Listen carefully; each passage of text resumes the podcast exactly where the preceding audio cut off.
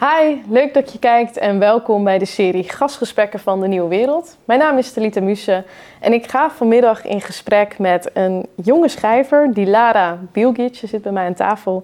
Ze heeft onlangs het boek geschreven De Gelabelde, maar bracht ook eerder het boek uit Black Box Democratie.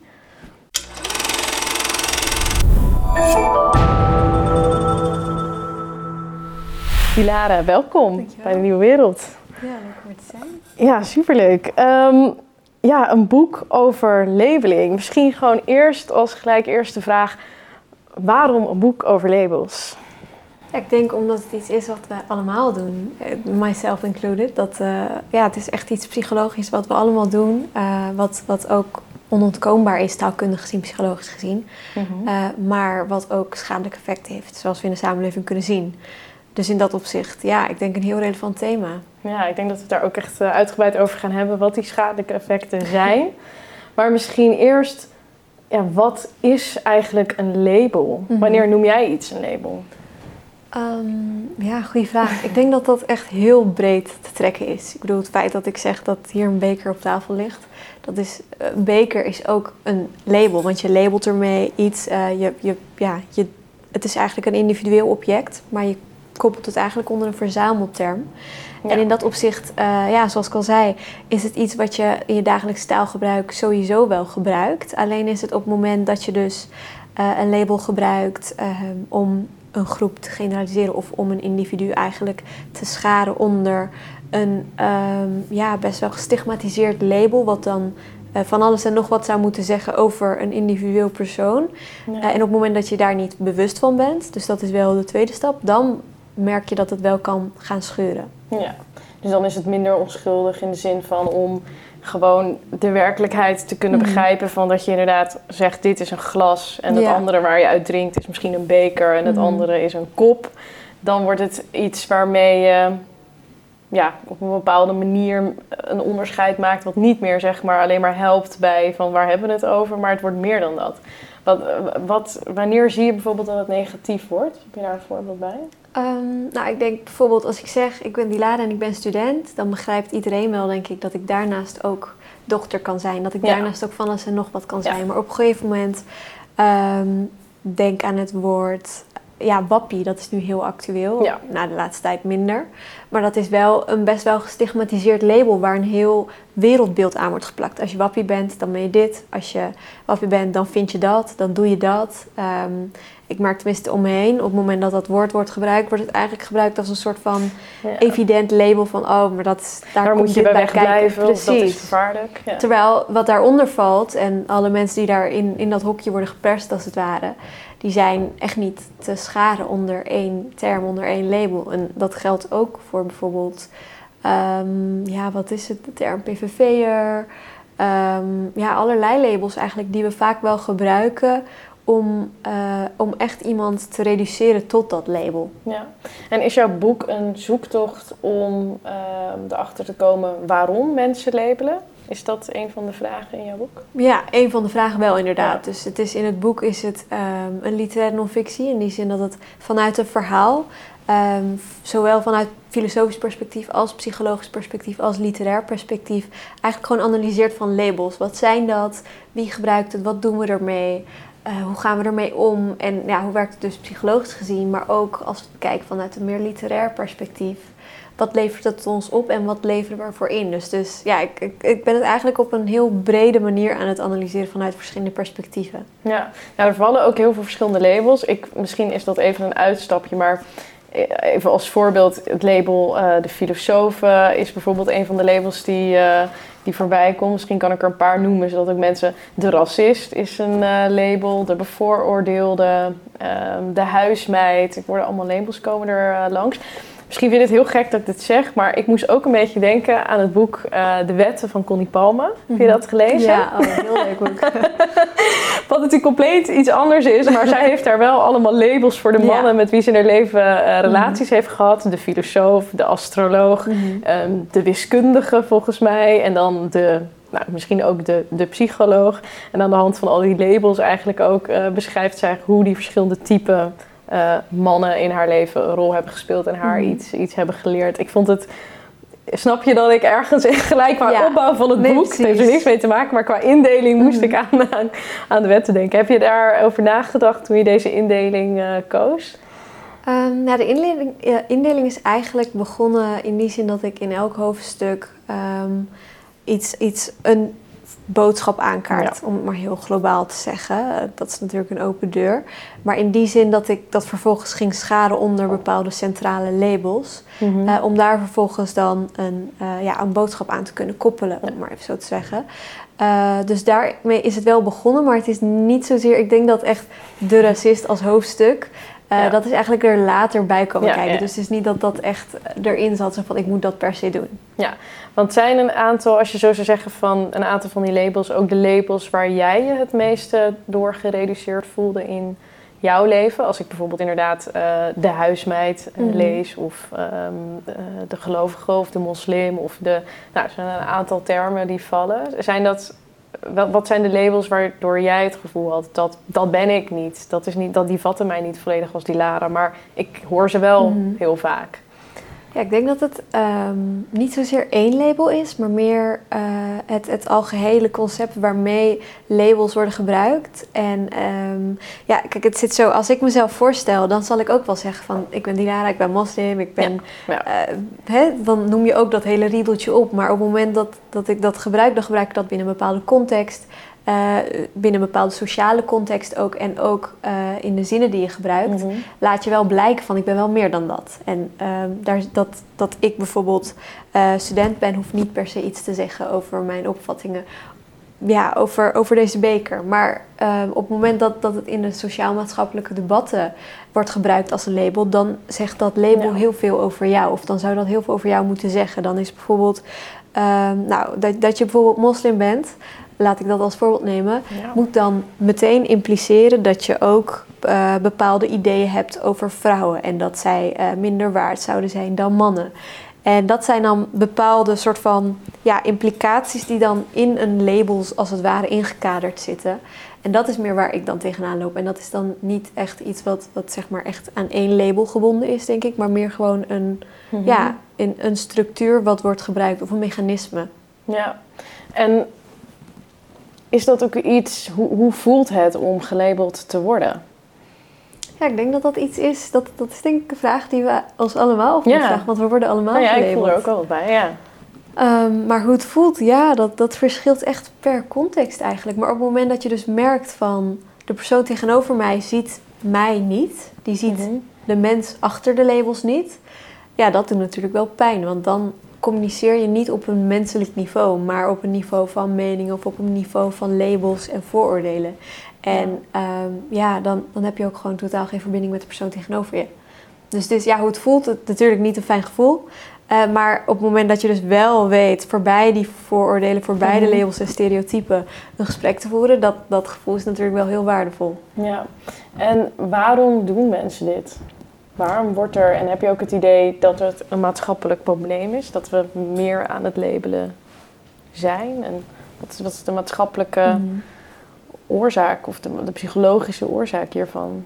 Ja, maatschappelijk weet ik niet of het meer of minder is ten Mhm. opzichte van vroeger. Ik weet wel dat het iets is van alle tijden. En omdat het dus psychologisch gezien eh, iets is wat we allemaal hebben. Als je kijkt naar hoe het menselijk brein werkt, als je kijkt naar psychologische onderzoeken, dan blijkt daar telkens wel uit van oké, we hebben labels nodig om gewoon de wereld om ons heen te ordenen, om het wat tastbaarder te maken dan Ja. ja. wanneer je elk individu met alle individuele Mhm. kenmerken moet benoemen. Terwijl als je kunt zeggen van dit is student, zij is, doch, eh, zij is een dochter, dit is een moeder, dat, dat is ja, makkelijker, maakt het eh, ook behapbaarder voor je brein.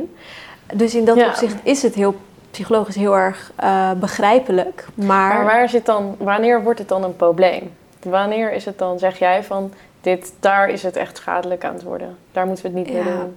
ik denk dat het een probleem is wanneer je dan dat gebruikt als argument om te zeggen van oké, dan mag ik gewoon labelen en stereotyperen zoveel ik wil. Want het is Mm. iets, het is handig en we doen het allemaal en het levert wat op. eh, op het moment dat je daarmee eigenlijk jezelf vrijspreekt van oh, ik neem geen verantwoordelijkheid meer voor alle implicaties dat er, die daarbij komen kijken.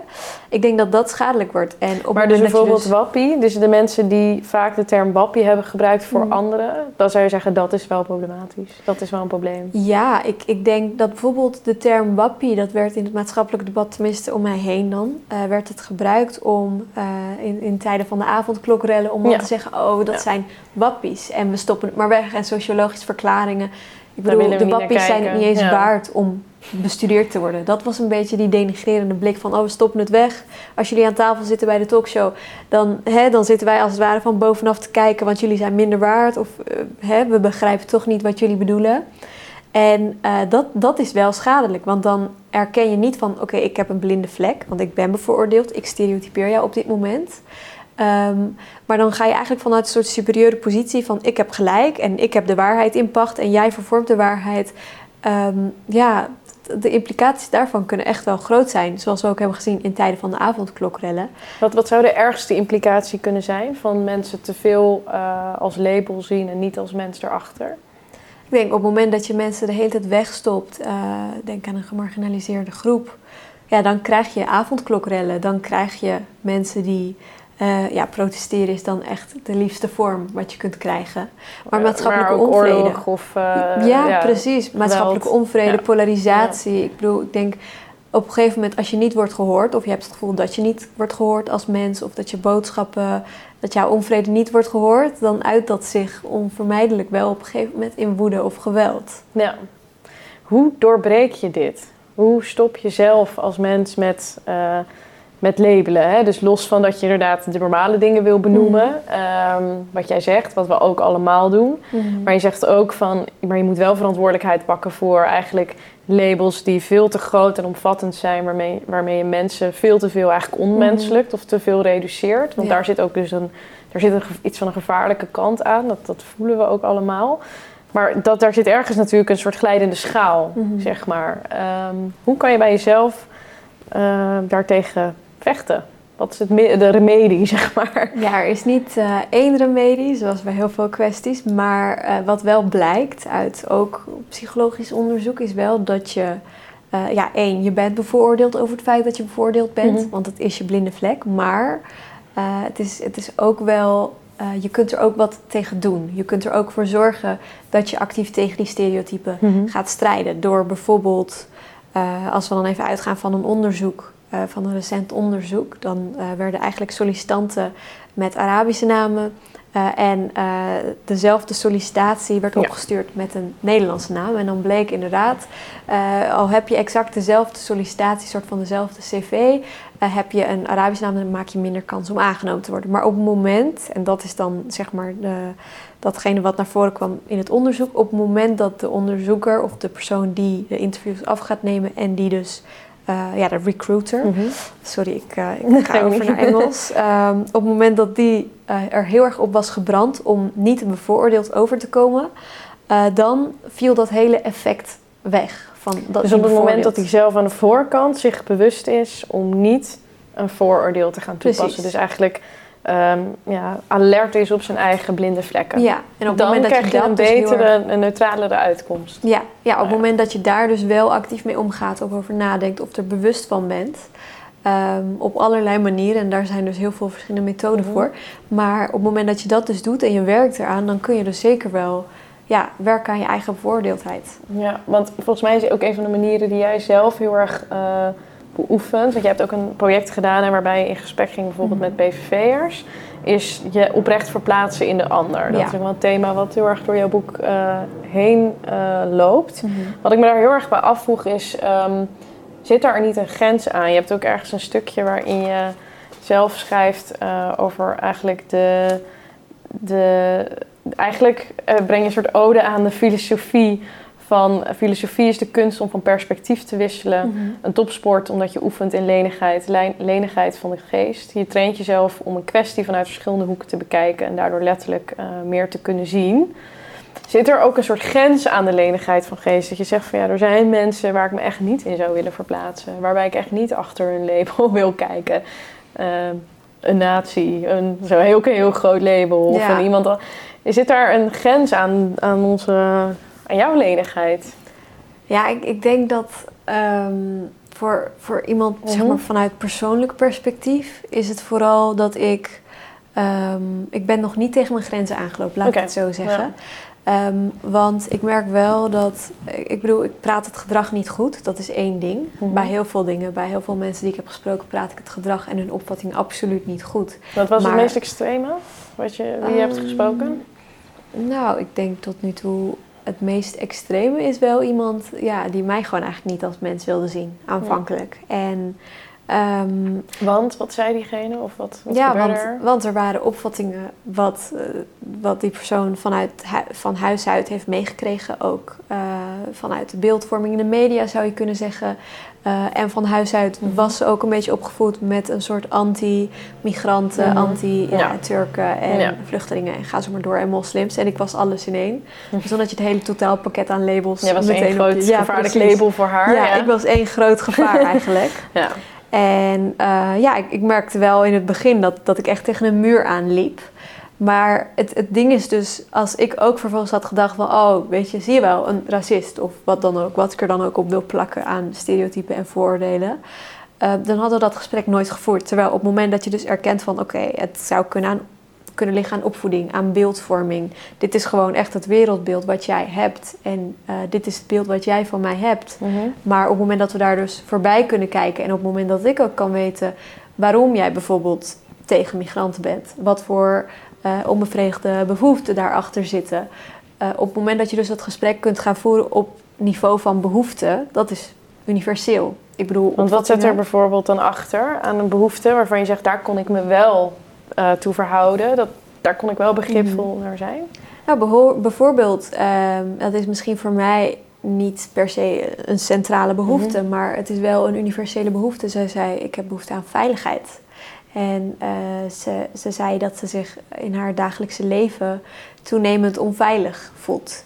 En ehm, ja, dat, Ja. Dat, dat, dat, dat schreef ze dan toe aan een groep. En daar Ja. kunnen we dan vervolgens over gaan discussiëren. Maar op het moment dat je dus wel eerst erkent van... oké, jij hebt behoefte aan veiligheid, maar ik ook. Ik ook, ja. Precies. Wij allemaal. Ja. En het is dus, stap 1 is dus wel Ja. heel vaak, dat merk ik, stap 1 is eerst luisteren. Want heel vaak zijn we geneigd om te zeggen van eerst mijn boodschap en daarna, weet je wel, als je toch niet luistert, dan loop ik weg. dat maar je de ander je- wil overtuigen, zeg Precies. maar. Dus, maar toen jij haar tegemoet eh treedt, dit was iemand die denk ik dan aan het rechterkant van het politieke spectrum eh, Mhm. waarschijnlijk zit. Laat het een beetje raden wel.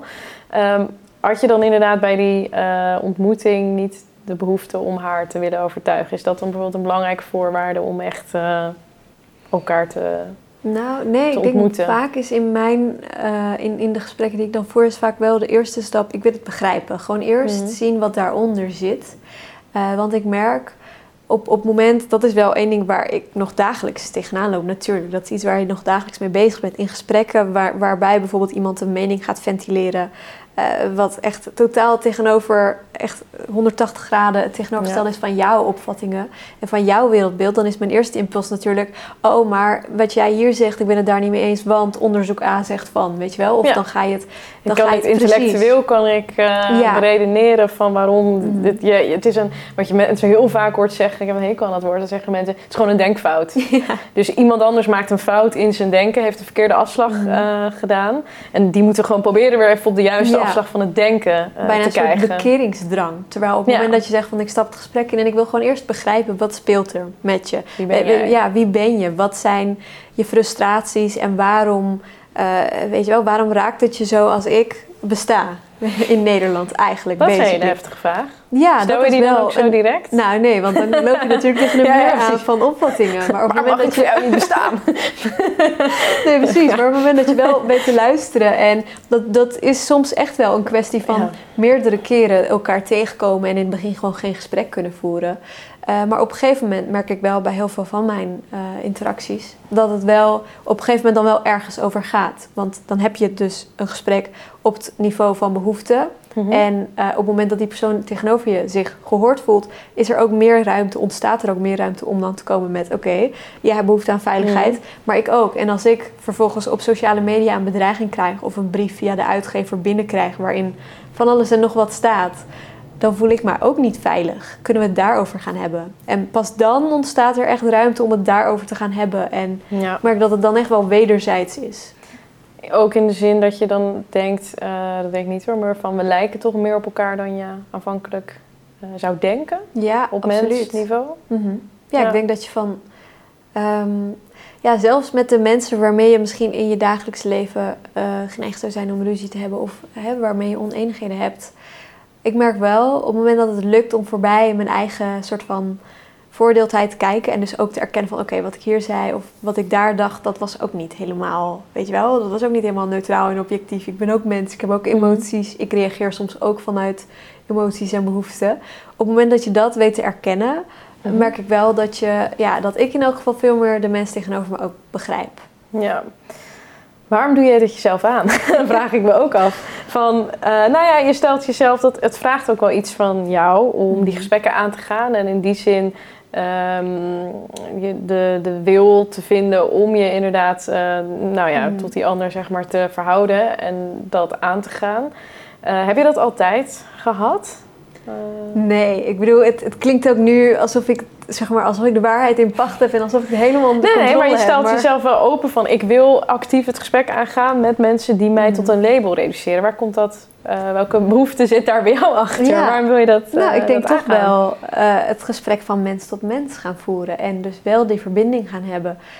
En ja, kijk, het mooie is wel met boeken. Dat, dat, is, dat stond volgens mij in de wetten van Connie Palme. Dat je met een boek eh, mensen kunt bereiken die je met je aanwezigheid normaal gesproken Ja. niet gaat kunnen bereiken. En ehm, dat is wel iets waar, waarom ik bijvoorbeeld een boek een heel fijn medium vind om een boodschap in over te brengen. Want ja, dan heb je die voor. Oké, met, met deze kaft wel, maar met, bijvoorbeeld met de black box democratie heb Ja. je niet. Het was gewoon een zwarte kaft. En daar heb je Daar niet die vooroordelen. niemand per se... eh, nee, precies. daar kan niemand zeggen: jij bent vluchteling, je bent eh, migrant, je bent Turk, je bent dit, je bent dat. Dan is het gewoon een boek en er staan ideeën in. En ik wil weten wat die ideeën, weet je wel, ik wil, zeggen, ik wil weten wat de auteur zegt.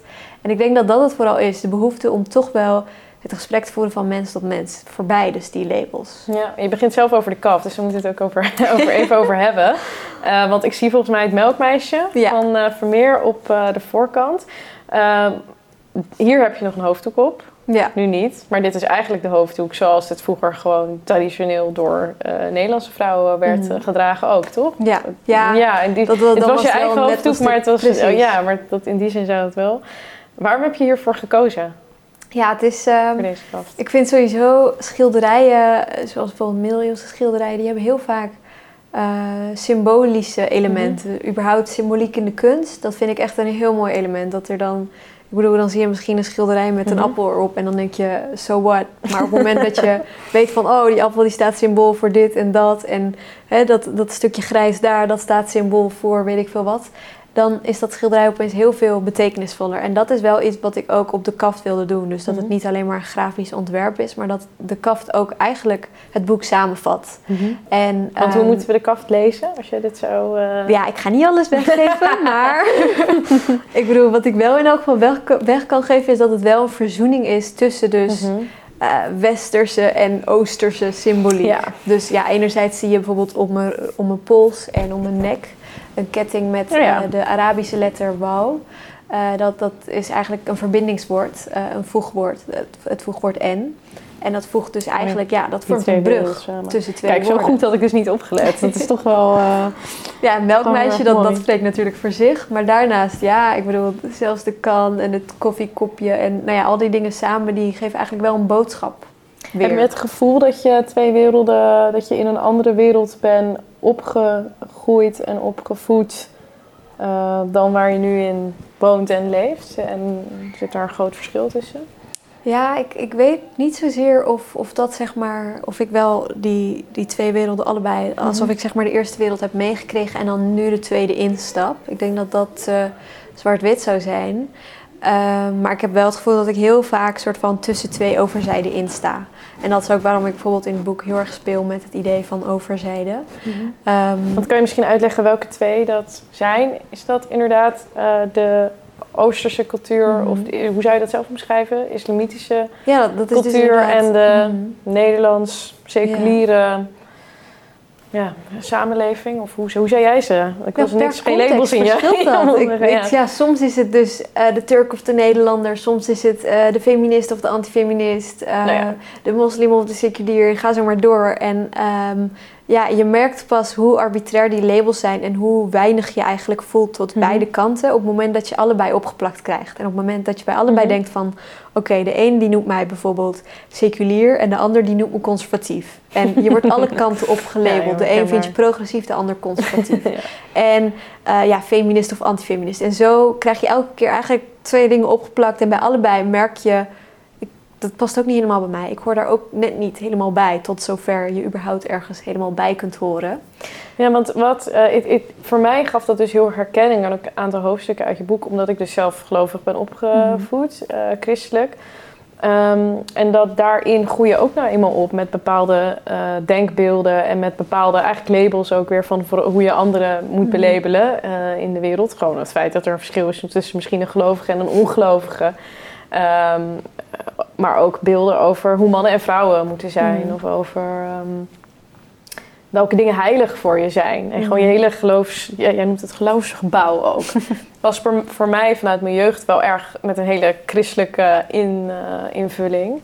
En vervolgens word je wat ouder en ga je zelf ontdekken wat eigenlijk die woorden voor je betekenen. Wat betekent, weet ik veel, puur zijn? Of wat betekent voor mezelf gelovig zijn? Of wat Mhm. betekent voor mezelf eh, een term als het huwelijk? Of een term als, weet ik veel, eh, respect voor mijn eigen lichaam? Of al die dingen. Ehm, heb jij dat ook gehad? Zo'n soort van, ehm, ja, inderdaad moment waarop je merkte van... oké, deze labels heb ik nu vanuit mijn islamitische opvoeding, maar... Ja, misschien kan ik een voorbeeld geven van in welke mate stroken die met... Maar zijn, die, zijn het labels die ik zelf wil, zeg Mhm. maar. Ja, ik denk dat ik dat eh, ja, net als elk kind eigenlijk wel. Ja. Dat je iets meekrijgt eh, vanuit opvoeding, vanuit school. Maar op een gegeven moment ja, begin je toch wel af te vragen van... oké, maar waar sta ik? Wat is mijn visie? Wat vind ik Ja. ervan? En dan ga je zelf onderzoeken. En ja, gaandeweg soms laat je bepaalde dingen achterwege. Soms vind je bepaalde dingen wel mooi en wil je het wel Mhm. behouden. Ja, ik denk dat dat een zoektocht is wat, wat, ja, wat jij zegt. Je, her- je, je herkent Ja. het omdat het volgens mij Ja. iets is wat iedereen wel meemaakt in het ontwikkelingsproces. Ja, want iets daarin, zeg maar, je zou jou ehm, ook, zeg maar, misschien deels, eh, maar ook dus totaal niet. Ik, ik moet soms denken, jij hebt volgens mij ook een keer met Larry Goel gezeten bij eh, Op 1, was dat Mhm. volgens mij. Ja. Eh, en dat ging, dat weet ik niet zeker meer, ging het over, ging niet over de hoofddoek, maar het ging over iets anders. Of Over wel over de. Turkse gemeenschap. Het ging over Turkse aanhalingstekens, de Turkse gemeenschap. Precies, en over afstand nemen van je achtergrond. En Mhm. waar ook weer een bepaalde reactie op kwam toen zij dat deed. Van het is niet allemaal zo conservatief of allemaal zo strenger. Het is veel meer een grijs gebied, Mhm. zeg maar. En als ik jouw verhalen over dat specifieke stuk lees, bemerk ik veel minder een afzetten. Maar meer een soort, ehm, ja, genuanceerd, een soort middenweg ertussen. Een soort een onwijze, ook wel ehm, tegelijkertijd dus wel ook eh, gewoon een waardering voor de achtergrond die je Mhm. hebt. Dus het is niet een afzetten, maar het is het heruitvinden van jezelf. Van wat betekenen die, die dingen in wezen voor mij. Is hem, kan ik dat zo zeggen? Is dat Ja, nee, absoluut. Ja, nee, heel mooi. Ik kan het niet eh, meer samenvatten. het is, eh, ja, in dat opzicht is het wel een zoektocht naar een synthese. En Ja. vandaar dat ik ook in het boek heel erg speel met, met dus een brug waar je Mhm. dan tussen staat. En je wil eigenlijk niet oversteken. Je wil nog daar, nog daar volledig in opgaan. En dan ja, bestaat je eigenlijk om, om, weet je wat, dan ben ik maar de brug. Dan blijf je daar maar staan en vorm je maar een soort van het midden tussen twee overzijden. Ja. En ja, dit klinkt natuurlijk veel groter dan, dan de realiteit. maar ja, het is wel echt een zoektocht. En daarin probeer je eigenlijk het mooie van beide werelden, om het maar even heel gechargeerd te plaatsen, wel op te zoeken. En ehm, ja, ik merk dat ik, dat ik echt wel waardevolle dingen aan beide kanten heb. Dus ik zou ook niet kunnen zeggen van, oh, ik groei daar los van en ik ga daarheen. Of eh, ik, hou, ik behoud juist dat volledig en ik ga daar niet in op. Ik heb eigenlijk bij al die perspectieven, waar, al die labels die we net hebben opgenoemd, denk ik wel van, ja, het, het- ze hebben allemaal wel Een- eh, ja. iets waardevols. Ja. Ehm, ik was wel benieuwd, omdat je ook eh, ergens schrijft van, hè, over het verplaatsen in de ander, de menselijkheid zien in de Mhm. ander. Van iedereen is uiteindelijk gewoon een mens achter alle labels. Ehm, is iedereen echt is, is er uiteindelijk, als je alles uh, afbelt bij iedereen, de ui, geloof jij dan uh, dat iedereen in de kern uh, hetzelfde is? Ja, ik bedoel, ja, we, we delen, wat is het, 99, nog wat procent van onze genen. Mm -hmm. um, ja, ik denk sowieso hoe meer je je verdiept in hoe, zeg maar, hoe het ontwikkelingsproces van een mens kan gaan. Uh, in samenwerking met genen en omgeving en van alles en nog wat, al die factoren, dan begin je echt veel meer, tenminste dat heb ik dan, begrip te krijgen ook voor, uh, weet je wel, iemand die dan ja. schizofreen zou zijn of iemand die het label autist krijgt, iemand die, ga zo maar door, iedereen die een bepaald label krijgt, op het moment dat je dat gaat bekijken binnen die context van levensloop, genen, omgeving, dan merk ik dat ik daarin zie dat we helemaal niet zoveel van elkaar verschillen. verschillen. Ja, dus dat daaronder zeg maar een, uh, het, feit dat we allemaal gewoon geboren worden en in ja. dit leven zeg maar zo worden uh, ja. gezet. Uh, inderdaad ons genen delen, deze aarde delen. Dus jij bent wel in die zin een, hoe zou ik het zeggen, je gelooft in een soort universeel principe. Er is iets wel echt universeels wat voor iedereen geldt. Ja. In, in de kern. Ja, nee, ja, ik weet niet of er dan, als je de ui een soort van weg, uh, wegpelt, of, of, het dan, hey, of het dan goed of kwaad is. Dat is volgens mij veel te gechargeerd en mm -hmm. veel te zwart-wit van wat blijft er over.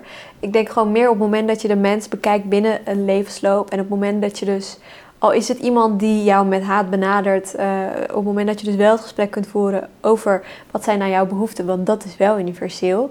En je kunt daar dus achter gaan kijken. Ik merk dat daar veel meer waardevols uit te halen is dan alleen maar op het gebied van een soort van op debatniveau het gesprek voeren, op, op soort van ratio-niveau. Ja, want daar ben ik wel benieuwd naar. Want in ons publieke debat mm. um, is juist dat labelen natuurlijk iets wat de hele tijd over elkaar heen stuikelt en valt. En lijkt er in mijn optiek juist heel weinig ruimte om dat van mens tot mens uh, gesprek uh, te ja. voeren. Er was, nou, we zitten nu in de Pasentijd. Dat was letterlijk gisteren uh, was de Passion op televisie. Ik weet niet of je dat hebt gezien, toevallig. Nee. nou, dat was heel actueel gedaan. Ze hadden Jezus laten aanschuiven bij de talkshowtafel van Pauw. en daar zat Pontius Pilatus en nou ja, alle spelers, Barabbas en wie er zaten allemaal aan tafel. En daar vond een soort trial by media plaats. Dus mm. helemaal gewoon zoals dat nu zou gebeuren. en werd hij gecanceld aan tafel. En oh, nou ja, volgt daar dan de dood op. Nou, gelukkig gebeurt dat nog niet aan onze talkshowtafels, maar wel symbolisch in de zin van dat mensen gelijk gecanceld worden als er inderdaad het label wappie of iets anders um, op ze wordt geplakt. En je ziet zeg maar welke setting zou je nodig moeten hebben om. Um, om dat uh, tegen te gaan. En kan dat bijna? Kan dat in setting, jouw ervaring ook? Uh, je hebt ook met talkshows gezeten en media-ervaring. Kan dat in die settings van, van, van talkshows? Kan nou, dat in de Nou, politiek? In, in de kan huidige in die wereld? settings denk ik niet dat dat ook in de politiek... Ik bedoel, als je kijkt Mhm. naar dus echt eh, die schakels aan ketenen in bijvoorbeeld Ja. de politiek... Eh, ik bedoel, je hebt politiek, maar daar hoort ook nog media bij en publiek. En politiek is, ja, die richt zich ook naar hè, wat, wat, gaan, wat is de publieke opinie? Eh, gaan de media over me heen komen als ik dit zeg? Ja. Eh, ben ik wel genoeg Dus aan het echt profileren? Heel ben ik erg wel... bezig met de Precies. labels. Ja. Dus die, ja, die worden bijna gedwongen, zou je kunnen zeggen, om zichtbaar te zijn, om te profileren, om het profileren zelf. Dus ik denk in het huidige systeem zoals we dat nu hebben, of met de huidige talkshows. Ja, ik bedoel, je hebt zelf bij op één gezeten. Ja. Ik bedoel, hoe, ja, hoe progressief, als we dat toch moeten labelen, je ook misschien met een soort mindset erin stapt. Uiteindelijk heb je wel een bepaald koers wat je moet bewandelen als talkshow host. En ik denk dat het dus binnen de bestaande structuren ehm, lastig is. Binnen heel veel bestaande talkshows en binnen dus het huidige politiek systeem. Maar op het moment dat je dan wel zegt van, weet je wat, we komen met alternatieve, alternatieve media, waarin wel die nuance welkom is, waarin wel we doen een talkshow waarin we wel verschillende perspectieven hebben, Ja. zonder dat je tegen elkaar op moet worden Ja, gezet. dus eigenlijk mensen heel bewust zijn van eh, het effect wat ze hebben in het publieke debat. En de Mhm. hele opzet is misschien meer een soort langzame televisie waarin je Ja. meer eh, ehm, ja, op een doordachte, bewuste manier het gesprek kan, eh, kan voeren.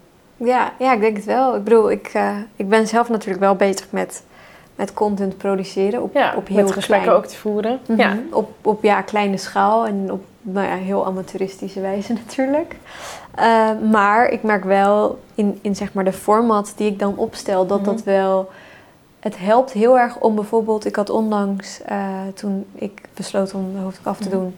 ehm, ben ik eigenlijk naar buiten getreden binnen mijn eigen programma. Want ik dacht, ik heb geen zin in het naar buiten brengen in een soort gepolariseerde omgeving waarin mensen weer van alles gaan Social vinden. media een foto te zetten Ja, van... eh, nou, precies. ja. En toen dacht ik, nou, ik had ook al een ander programma wat op tafel lag met moslima's gaan zitten aan één tafel en het gaan hebben over de Mhm. verschillende perspectieven die volgens ons ontbreken in het huidige sociale debat.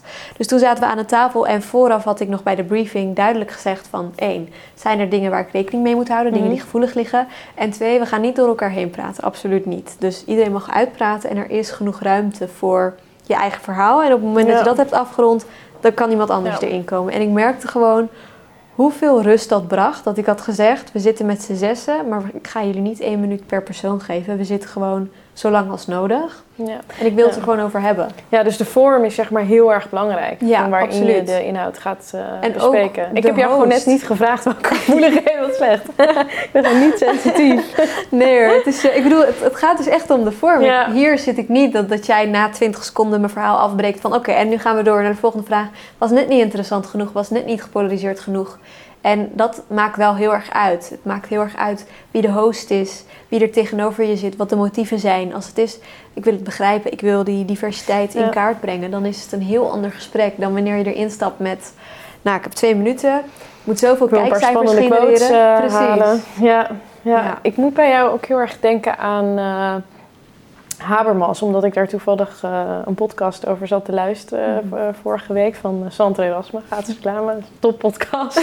niet van mij overigens, was het maar zo. Maar daar, ik weet niet of je het kent, maar daar behandelen ze allemaal eh, filosofen, ook in een uur. En hij zegt ook heel erg van dat echt dat, dat stellige geloof in als je met elkaar, dus echt die deliberatie, dus als je echt alle perspectieven aan tafel hebt en je gaat echt met elkaar eh, in gesprek op voorwaarde dat je dus niet de ander wil overtuigen, maar dat je echt eh, van perspectief en argumenten en inzichten wil eh, uitwisselen.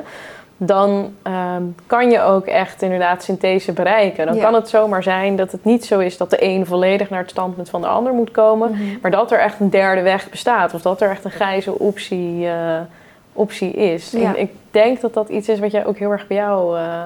Ja, en jij daar ook heel erg in heel gelooft. erg Ja. als eh, Ja. burgerberaden natuurlijk. Dat Precies. is exact dit format. Waarbij heel veel pleitbezorgers van burgerberaden... die zeggen nu ook van... kijk naar Ierland, kijk naar Frankrijk. Er zijn bepaalde thema's waar de politiek er gewoon niet uitkomt. In, eh, in Ierland bijvoorbeeld abortuswetgeving. Nou, ze komen er gewoon echt niet uit. En op het moment dat je dan zegt van... weet je wat, we stichten een soort van burgerberaad... en daar komen heel veel verschillende perspectieven samen... ja, dan creëert dat heel vaak wel een uitkomst... waar de politiek bijvoorbeeld niet uit zou komen. ja, dus echt onze manier van praten Ja. eh, moeten we drastisch veranderen. Je haalt ook, ehm, dat heb ik hier opgeschreven, een paar van... Ik werd daar helemaal blij van. Je hebt zelfs de Kleine Prins, waarin een quote... eh, je begint ieder hoofdstuk met ook een quote van een denker. Ik neem aan een denker die jou... eh, dicht bij het hart staat of waar je misschien eh, door geïnspireerd bent. Ik was gewoon echt even heel erg benieuwd. Er sprongen er twee voor mij eh, uit. En dat waren Kierkegaard en eh, De Kleine Prins. Misschien kan je er één, eh, één toelichten of, of je mag ook een andere toelichten van dit is een inspiratiebron ook Mhm. eh, voor mij. Ja, De Kleine Prins, dat is... eh, ja, ik vind dat gewoon een heel mooi boek. Het, is, het is in dat opzicht, omdat het eh, op een soort van kinderlijke manier... Ja. toch wel een heel krachtige boodschap over weet te brengen. En ehm, ja, de boodschap is eigenlijk heel simpel. Dat je soms niet met, met het oog kunt zien. Maar dat, dat die verbinding van hart tot hart soms... ehm, ja, ten eerste moeizaam gaat. Maar op het moment dat die dus wel...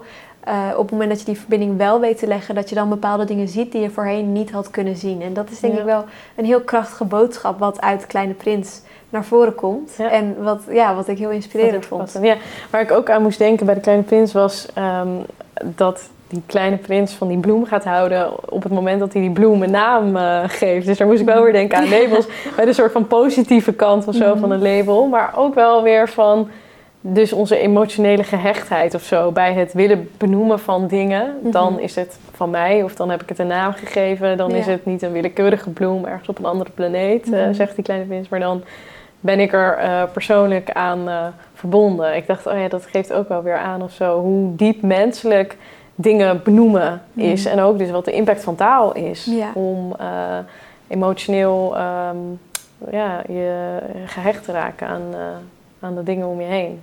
Ja, en daar heb ik ook wel ook mee gespeeld in het boek. In die zin dat Mm. ik dus wel mijn eigen naam gebruik in het boek. Ja. Maar alle andere eigennamen, dat zijn eh, speaking names. Dus die hebben een bepaalde betekenis, Oh. maar dat zijn niet de echte namen. Juist Oh, ook echt? om, om zeg maar dat, dat onderscheid te kunnen maken van... een eigen naam zegt iets over een persoon.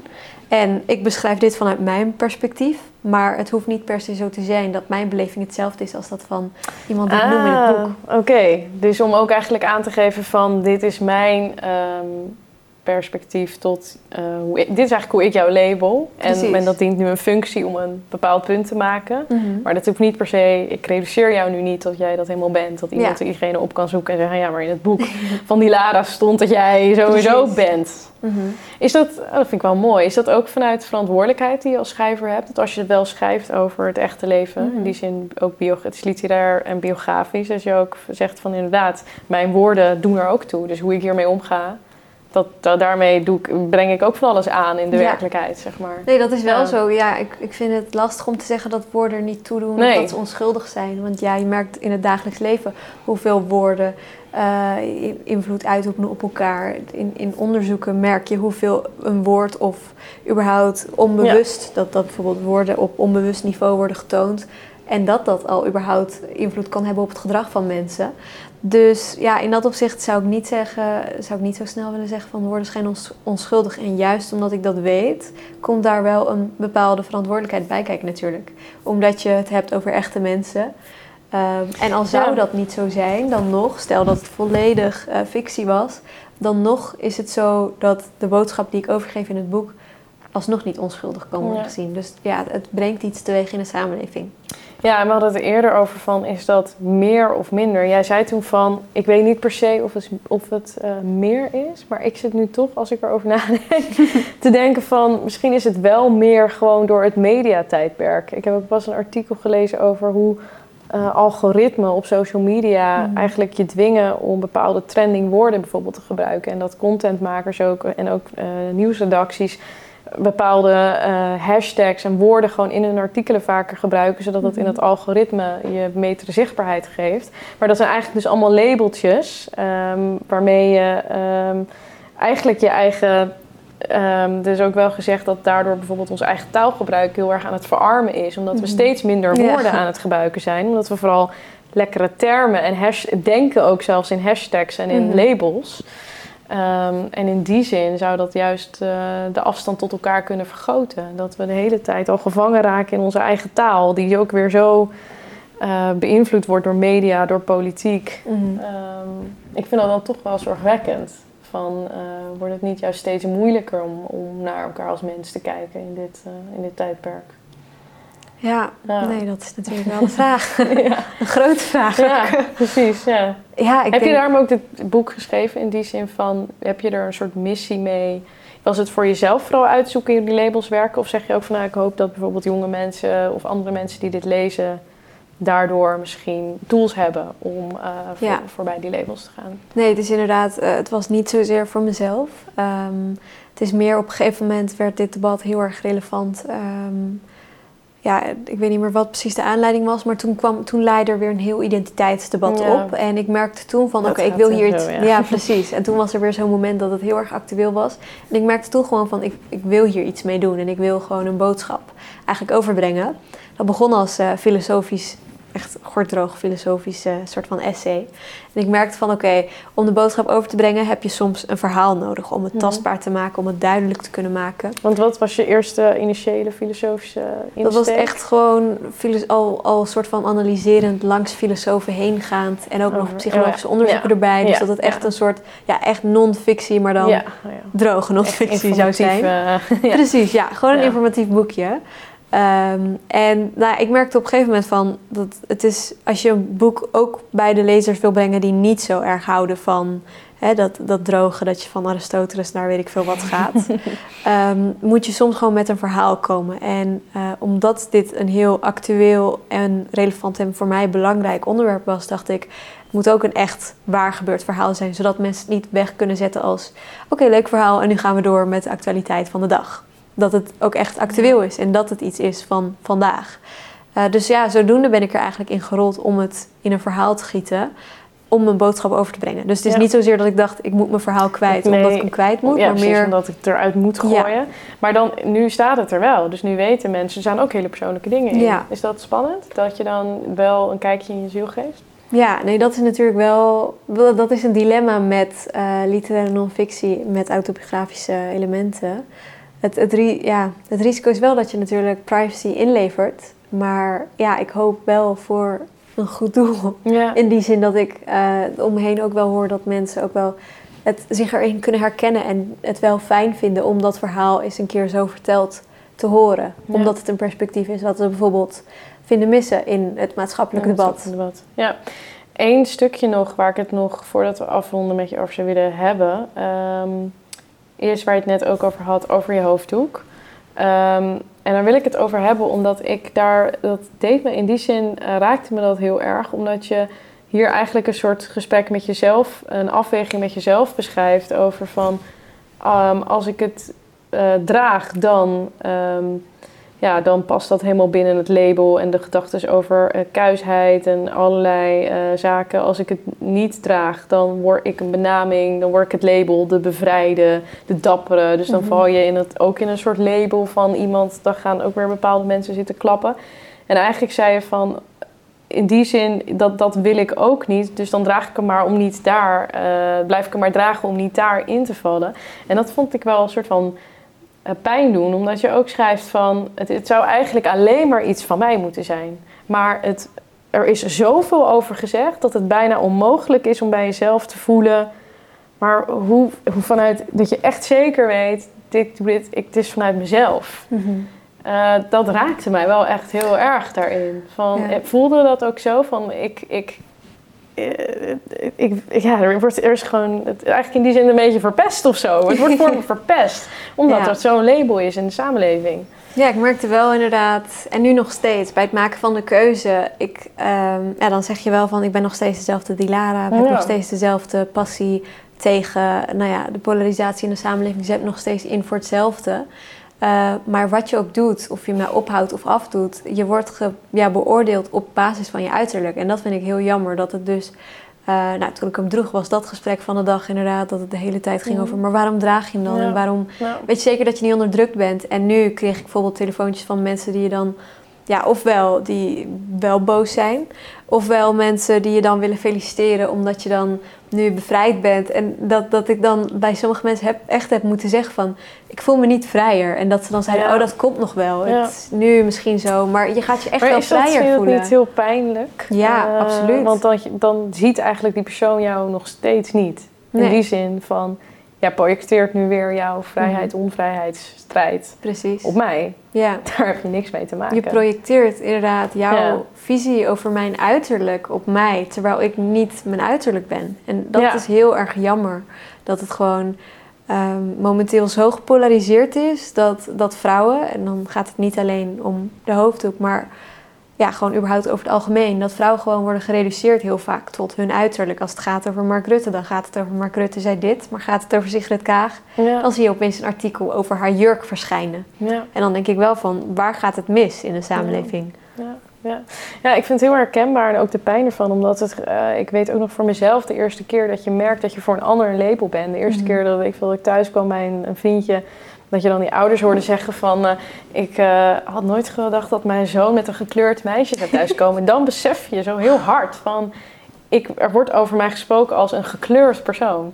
Dus je wordt een soort... In die zin zit ook een parallel met mensen die zeggen van... Je wordt gekleurd, weet je. Je bent niet gekleurd, maar Ja. je bent het label gekleurd. En er zitten allerlei eh, linkjes bij. Ja. En dan voor jezelf was je eigenlijk had je in die zin geen kleur. Nee. Niet dat ik niet, niet zie dat ik een bepaalde huidskleur heb, maar niet dat label kende ik niet. Ja. En alles wat daar omheen eh, hing. Hoe, ehm, hoe verwerk je dat? Want vaak, eh, hoe zorg je ervoor dat je, dat niet, eh, dat je daar niet ehm, boos om blijft of niet verbitterd? Of te- ja, dat je nog Ja. open dus de ander tegemoet kan treden, ondanks dat je, dat je de gelabelde Mhm. bent.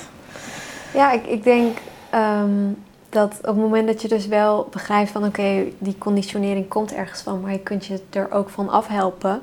nou, bijvoorbeeld een recent voorbeeld. mijn broertje die in, in de klas van mijn broertje is het heel erg gek als je zegt van oh, deze onderzetter die is zwart. Dan begint blijkbaar de hele klas al te gillen van oh, dat is echt racistisch. Mm. En ehm, nou, ik, ik, ik betrapte mijn broertje erop laatst toen ik het had over een, uh, nou, een zwart voorwerp. Mhm. En toen hebben we daar wel het gesprek over gevoerd. Want ik dacht, kijk, dit is wel het begin van waar het misgaat. Dus je, je kunt, ik bedoel, in de samenleving gaat er nu van alles mis. Maar op het moment dat je dus aan de kleur zwart al iets negatiefs gaat koppelen. Wat voor implicaties heeft dat dan later met de interacties van mijn broertje met mensen die een kleur hebben die wij labelen als zwart? Uh, en ik denk dus maar weer de andere kant op bijna. Dus door de sensitiviteit om racisme wordt eigenlijk weer die hele kleur zo gevoelig dat het weer dan de andere kant door Ja, precies. dat je wel kunt zeggen van, oh, ik heb een uh, wit schrift. Maar op het moment dat je zwart zegt, dat mensen dan opeens ja, in de klas opeens schreeuwen dat dat racistisch is. Ik schrok toen wel toen ik dat hoorde. dat is en een soort ja, dat geeft wel weer van Hoe, ja, hoe dus dingen kunnen mhm. starten, al bij de jeugd. Ik bedoel, als, als dat niet was gezegd in de klas, dan zou hij nooit die bewustwording hebben van kleur, dat is racistisch of dat is weet ik veel wat. Eh, maar wat jij net zegt, je krijgt een kleur. Ja, ja. ja. Mooi. Ik, um, ik zit even te denken, wil ik nog iets, iets heel prangends uh, aan je vragen. Um, ik ben er heel blij mee met... Um, ik vind het ook moeilijk omdat... Of wat vind ik moeilijk? Uh, ik ben het er heel erg mee eens dat we een meer genuanceerde wereldbeschouwing uh, nodig hebben. En mhm. ook dat je dus meer op zoek gaat in um, wat verbindt mij met de ander? Hoe blijf ik de ander zien als mhm. mens? Ik denk dat zeg maar, deze tijd dat meer dan ooit nodig heeft. En tegelijkertijd zie ik dus gewoon dat deze tijd in bijna alles bijna dwingt om juist veel meer, nog meer mee te gaan in labels. Als je wil scoren, of mhm. als je populair wil worden, of als je de politiek in wil gaan. Ehm, en ik denk gewoon dat het, dat het ehm, nou, wat mij heel erg goed bijblijft, is ook als je de vorm aanpast van de manier waarop je een gesprek voert. Mhm. Dat zijn eigenlijk al belangrijke keuzes, waarmee je eigenlijk al bepaalt of je wel of niet vervolgens in gesprek de mens kan, uh, kan zien. En dat is mhm. denk ik wel iets praktisch. Niet dat alles wordt plat platgeslagen van wat kunnen mensen praktisch doen. Maar dat is denk ik wel verantwoordelijkheid die iedereen in alle rollen. Of je nou een leraar bent voor de klas, of je CEO bent in de boardroom, of je bent vrijwilliger, of gewoon in je gezin thuis. Mhm. Van schep ik wel de, uh, de condities of de voorwaarden waarbinnen überhaupt je van mens tot mens naar elkaar kan kijken. Ja, en dat is natuurlijk ook wel, dan moet ik ook de credits verlenen aan een psycholoog die me daarin heel erg heeft geïnspireerd. Marshall Rosenberg van de methode geweldloze communicatie. dat is exact eigenlijk wat jij zegt, dat je zowel op groot niveau binnen een klas, binnen een samenleving, maar ook op individueel niveau echt gaat zoeken naar hoe gaan wij het gesprek aan van mens tot mens. Ja. Ik wil je hartelijk bedanken. Dankjewel. Dankjewel.